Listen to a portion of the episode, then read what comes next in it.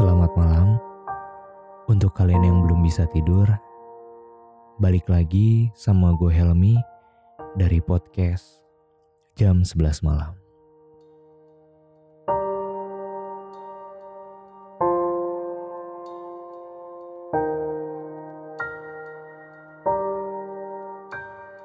Malam hari ini gue bakal ngebacain salah satu cerita dari temen gue, yaitu namanya Alia. Alia ini dulu teman kampus gue di salah satu universitas negeri di Jogja. Dan umurnya sekarang mungkin samalah kayak gue, sekitar 24 tahun. Kenapa gue angkat ceritanya Alia? Karena menurut gue ceritanya ini nih lumayan rumit dan juga mendewasakan. Nah, poin utamanya itu mendewasakan. Jadi Alia ini ceritanya, dia ini menyimpan perasaan dalam waktu yang cukup lama. Belasan tahun loh. Dan perasaannya ini sampai dengan saat ini itu masih sama. Dan dengan orang yang sama pula. Yaitu namanya Kak Aldo. Nah, sebelum kita masuk ke cerita intinya seperti apa, gue bakal ngajak kalian untuk flashback gimana sih awal mulanya si Alia ini bisa kenal dan ketemu sama si Aldo ini. Jadi sekitar 12 tahun yang lalu, tepatnya tahun 2008 di Semarang, Alia ini masih duduk di bangku sekolah dasar.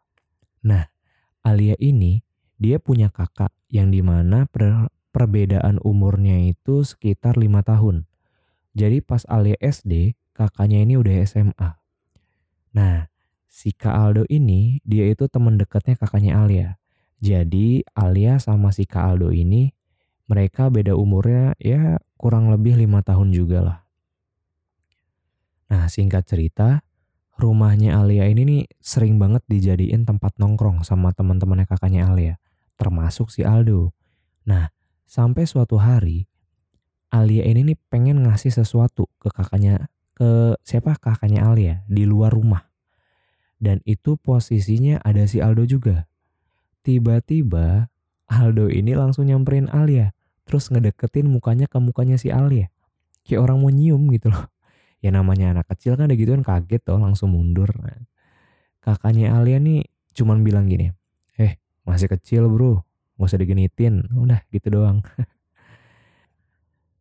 nah di sinilah awal mulanya si Alia itu tertarik sama si Aldo. Kenapa gue bisa bilang tertarik? Walaupun si Alia ini masih SD, tapi tidak memungkiri kalau ngeliat cowok ganteng itu pasti tertarik gitu loh. Karena gue sendiri pun gue udah dikasih lihat nih fotonya sama si Alia. Ya emang tipe-tipe cowok idaman cewek lah. Yang ganteng, tinggi, putih gitu kan. Ya apa ya Gak memungkiri gitu loh. Mau berapapun umur lu, kalau lu ngeliat orang yang good looking ya pasti bakal tertarik gitu loh. Kemudian tahun ke tahun pas si Alia ini duduk di bangku SMP, si Aldo ini posisinya dia mau daftar kuliah. Nah, di sinilah si Aldo ini udah berani nih buat ngedeketin si Alia. Si Aldo nih sering banget ngubungin si Alia. Ya chat lah, telepon lah, dan lain sebagainya. Cuma untuk menceritakan kesehariannya doang. ya cerita-cerita nggak jelas lah. Sampai suatu ketika si Aldo ini dia ini udah keterima kuliah. Dia kuliah di salah satu universitas swasta di Bandung. Nah, selama Aldo ini kuliah, dia itu hampir tiap hari nelponin si Alia. Nelpon lah, ngechat lah, cuman buat cerita ngalur ngidul doang. Ya sama, ceritanya juga nggak jelas gitu loh. Tapi pas posisi Alia ini masih SMP, Kak Aldo ini pernah berstatement kalau Alia itu hanya dianggap sebagai adik doang, gak lebih. Nah, dan ini yang membuat Alia sadar diri dan menahan perasaannya sampai dengan sekarang ke Kak Aldo. Gitu. Uh, singkat cerita, tahun uh, setahun kemudian, Aldo ini dia keluar dari kuliahnya. Terus dia daftar di sekolah tinggi penerbangan. Udah ganteng, putih, tinggi. Ya pilot kan. Ya gimana sih Alia sama cewek-cewek lain gak naksir coba. Gokil sih. Nah pas Aldo ini udah keterima di sekolah penerbangan, Aldo ini udah mulai hilang-hilangan. Muncul hilang seenaknya lah. Tapi ya si Alia ini positive thinking. Mungkin Aldo ini hilang-hilangan karena si Aldo ini kan posisinya lagi jadi siswa taruna. Kan kalau siswa taruna itu kan berarti apa ya? Mereka itu nggak nggak bisa seenaknya megang alat komunikasi. Pasti dibatasin gitu. Tapi hebat. Si Alia ini hebat.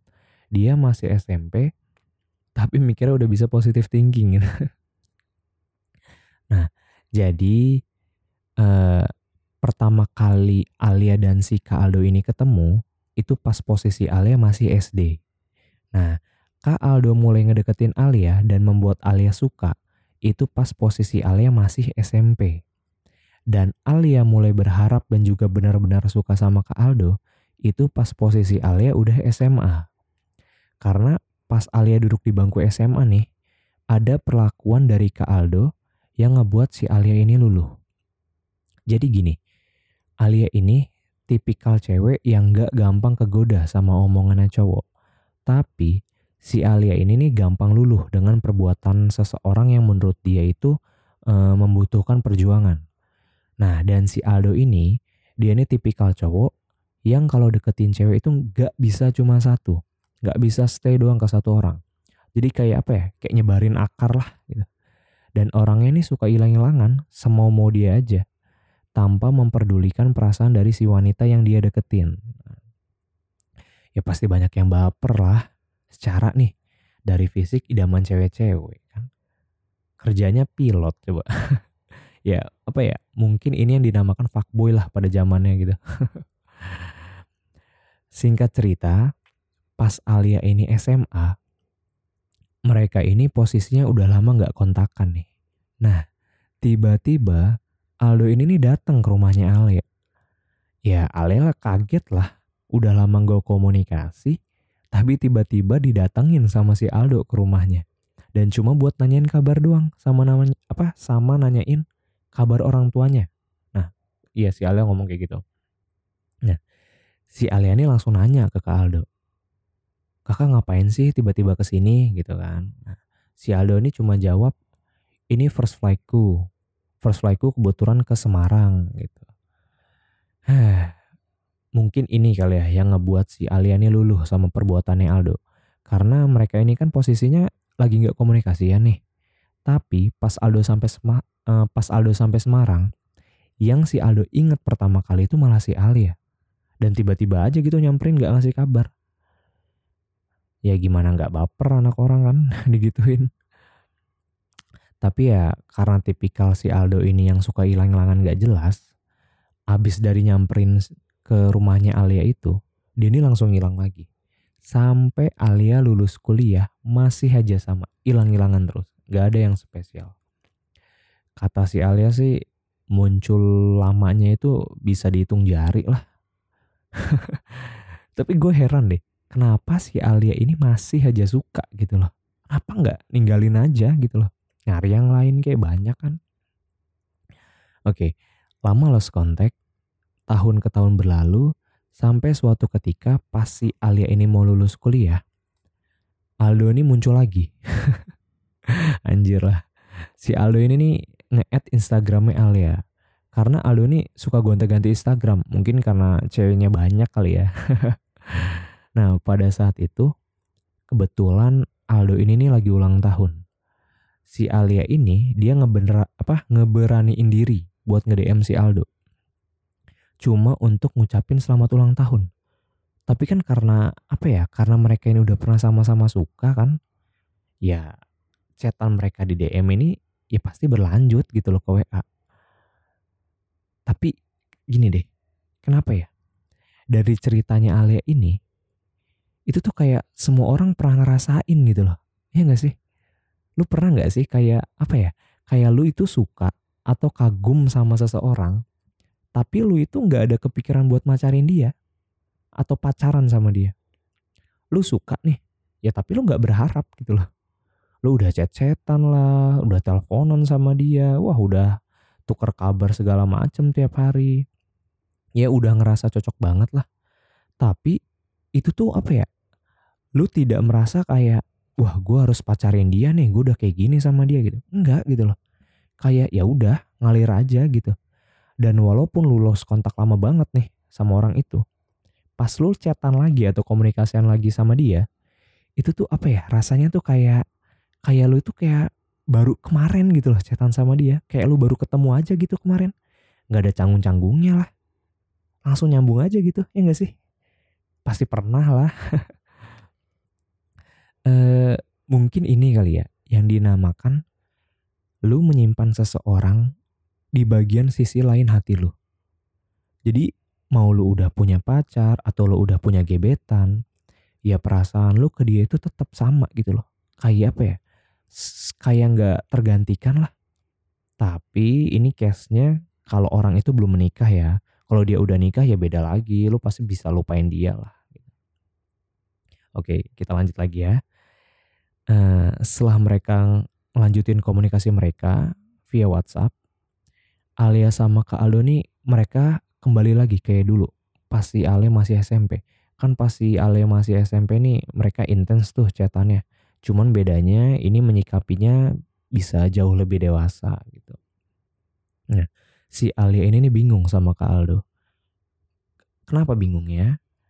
Karena kalau emang cuma dianggap adik, kenapa si Kak Aldo ini nih tiap hari nelponin Alia? Kayak yang cuma buat curhat lah, atau minta temenin pas lagi nyetir mobil, atau cuma nemenin pas lagi otw ke mana gitu kan. Dan si Aldo ini juga cerita kalau dia punya pacar gitu loh. Terus uh, ceritanya juga aneh. Ya bilang mau putus sama pacarnya lah, pacarnya nggak bisa ngertiin lah. Dan yang lebih anehnya lagi, si Aldo ini cerita gitu. Uh, Alia, aku punya simpenan dua cewek gitu. Eh, gimana sih ini orang? Dan anehnya lagi, simpenannya si Aldo ini, gue nggak tahu ya, saking loyalnya atau apa. Jadi si simpenannya Aldo ini, itu sama si Aldo difasilitasi. Kayak dikasih mobil, apartemen, rumah gitu loh. Sampai balik nama coba. Gue nggak tahu sih jalan pikiran Aldo kayak gimana ya. Cuman menurut gue apa ya? Aduh. Ini mah si Ale udah tahu semua keburukannya si Aldo gitu. Ya, cuman yang gue puji ini sih. Si Ale ini tahu keburukannya Aldo bukan dari orang lain. Tapi dari Aldonya sendiri. Nah, si Aldonya ini kayak bisa langsung jujur aja gitu kalau ke si Ale. Sampai nih, sampai ke Aldo ini, dia itu nawarin juga si Alia untuk memakai semua fasilitasnya coba. Ditawarin apartemen, mobil, rumah, dimintain terus rekening buat dikirimin duit. Gila cuy. Aduh, tapi ya wajar sih ya. Pilot kok. Ya kalian tau lah gaji pilot berapa sih, ya gak sih? Gede ya. Tapi ini tapi hebatnya si Ali ya. Dia ini nih menolak semua fasilitas yang dikasih sama Kak Aldo. Gak sepersen pun dia terima. Karena yang ada di pikiran Alia kalau Alia ini nerima, ini bakal jadi masalah di kemudian hari. Entah diungkit lah, atau ngerasa kayak harus balas budi lah. Makanya si Alia ini kekeh sama prinsip dan pendiriannya. Hebat sih si Alia, hebat banget. Uh, apa ya, mungkin ini kali ya yang ngebuat si Aldo ini nih masih ngedeketin si Alia. Karena menurut gue si Aldo ini kayak apa ya, kayak ngerasa tertantang aja gitu buat ngedeketin si Alia. Karena dari sekian banyak gebetannya si Aldo, cuma Alia doang nih yang gak bisa digoda sama materi. Keren sih. Dan mungkin Aldo juga di sini itu apa ya, dia tuh bisa jadi dirinya sendiri. Makanya dia menghargai si Alia dan tidak berbuat aneh-aneh ke si Alia. Sampai suatu saat, Alia nih makin bingung sama sifatnya Aldo. Ya gimana gak bingung kan? makin deket kok gitu. Si Alia nih dia coba buat curhat nih sama teman-teman nih. Baik cewek maupun cowok, termasuk gua, dia juga cerita ke gua kan. Ini nih mereka rata-rata memberikan tanggapan yang sama. Tanggapan ta, apa? Tanggapannya tuh kayak ah, si Aldo nih fuckboy. Aldo nih cuma mainin lu doang. Udah Aldo nih nggak bener gitu kan. Udah tinggal aja ngapain sih berharap sama cowok kayak gitu Apalagi posisinya si Aldo ini kan punya simpenan gitu kan. Ya rata-rata kayak gitulah tanggapannya. Gue pun sama gitu loh. Gue pun sempat nanya juga ke si Ale. Lu kenapa nggak ninggalin dia sih? Kenapa lu masih bertahan sama dia? Dan kenapa lu nggak mencoba untuk meninggalkan dia gitu loh? Dan kalian tahu jawabannya Ale apa? Ini nih yang buat gue kagum sama dan juga salut sama si Ale. Dia jawab kayak gini ke gue. Hell gitu kan. Apa yang Aldo lakuin sekarang itulah diri dia sebenarnya. Dia sudah berusaha untuk menjadi dirinya sendiri. Gue nggak bisa memaksa dia untuk menjadi orang lain atau mengikuti seperti yang ego gue bilang. Perihal buruk atau enggaknya sifat dia, itu adalah judgement dari orang-orang. Gue pun banyak salahnya kok. Gue percaya dia bisa berubah dengan dirinya sendiri. Gue percaya setiap orang punya kesempatan kedua untuk menjadi dirinya yang lebih baik. Gue gak akan ngerubah dia hell. Gue percaya setiap kita bertemu dengan orang baru, itu adalah suatu pelajaran yang baru. Gue gak bisa ngebuat seseorang menjadi seperti yang gue mau. Karena itu adalah pelajaran yang baru ya gue bakal belajar buat ngertiin dia dan belajar bagaimana caranya mentreatment dia dengan benar. Wah, sumpah sih. Karena menurut gue jawabannya Allen ini nampar gitu loh. Buat gue nampar gitu loh. Dia bisa melihat keburukan seseorang dari sudut pandang yang berbeda. Sebenarnya semua orang pasti bisa apa ya bisa mikir kayak gini sih. Uh, ketika apa gitu kan. Cuman kapan gitu loh lo bisa mikir kayak gitu tuh kapan gitu ketika lu mungkin ketika lu sudah masuk ke dalam fase dewasa. Dan sebenarnya Aldo pun nggak salah gitu loh, nggak bisa disalahkan. Karena dari awal Alia ini belum berani untuk jujur perihal perasaannya ke Aldo. Jadi ya gimana Aldo mau tahu gitu kan. Jadi ya intinya nih Alia ini nggak mau memulai. Dia mau melihat keseriusannya Aldo ini seperti apa. Makanya dia nggak ngomong ke Aldo gitu. Dan gue pun setuju nih sama yang si apa sama yang dibilang sama Alia. Karena menurut gue kita itu sebagai manusia jika menghadapi pasangan kita yang berperilaku buruk tuh hanya dapat melakukan tiga hal. Satu, mengingatkan dan berusaha. Dua, menunggu dia berubah dengan kehendaknya sendiri. Dan yang ketiga, move away.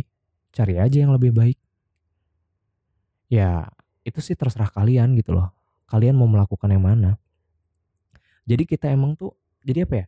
Kita tuh emang nggak bisa nggak bisa dan tidak ada hak untuk merubah seseorang. Karena kalau lo ngerubah seseorang itu atas kehendak lo sendiri, sorry, kalau lo ngerubah seseorang atas kehendak lo, bukan atas kehendak dirinya sendiri, itu tuh kayak apa ya? Uh, ketika lo nggak ada, ya dia bakal kembali lagi ke sifat aslinya gitu. Jadi ya percuma gitu loh. Lu nggak bisa ngerubah orang gitu. Dan akhirnya nih gue juga nanya lagi nih ke Alia. Terus apa yang mau lu lakuin sekarang? Ya si Alia sih cuma bilang dia sudah punya tempat tersendiri di hati gue gue cuma bisa pasrah dan berdoa agar kelak dia jadi jodoh gue hmm, mungkin ini kali ya yang dinamakan turut campur tangan Allah itu menentukan segalanya Oke. Ya gue nggak bisa ngelakuin apa-apa sih ya untuk kasih Alia nih. Uh, untuk Alia nih. Gue nggak bisa bantu banyak buat lo. Gue nggak bisa ngelakuin apa-apa untuk lo. Yang bisa gue lakuin cuma berdoa buat lo. Semoga kelak lo itu didekatkan dengan si Kak Aldo atau lo mendapatkan jodoh yang seperti yang lo inginkan kalau emang lu yakin dengan hati lu, ya kejar dia, doakan dia, dan usahakan dia. Gak usah takut. Karena apa yang lu perjuangkan, itu akan menentukan nasib lu sendiri, bukan nasib orang lain. Ah, Oke, okay. kayaknya cukup sampai di sini dulu aja podcast kita pada malam hari ini. Makasih buat teman-teman yang udah mau denger podcast gue. Semoga selalu ada pelajaran dari setiap episode podcast yang gue bawain. Untuk kalian yang mau curhat ataupun sharing tentang masalah cinta, kehidupan, pekerjaan, kalian bisa email gue di jam11.m at gmail.com atau DM gue di Instagram di @helmifauzan n-nya 2. Kalian bisa ngirim berupa audio atau teks, itu terserah kalian. Tapi sekali lagi gue ingatkan, di sini gue tidak janji bisa menyelesaikan masalah kalian. Tapi di sini gue akan berusaha untuk memberikan tanggapan yang baik untuk kalian dan juga berusaha menjadi pendengar yang baik untuk kalian. Nah, semoga apa yang gue sampaikan di sini bisa sedikit meringankan beban kalian. Amin. Baik, sedikit ucapan selamat malam dari gua untuk kalian. Tidurlah, tarik selimutmu, matikan lampu kamarmu, buang jauh rasa gelisahmu, lalu lenyapkan rasa rindumu. Gua Helmi dari podcast jam 11 malam. Selamat malam.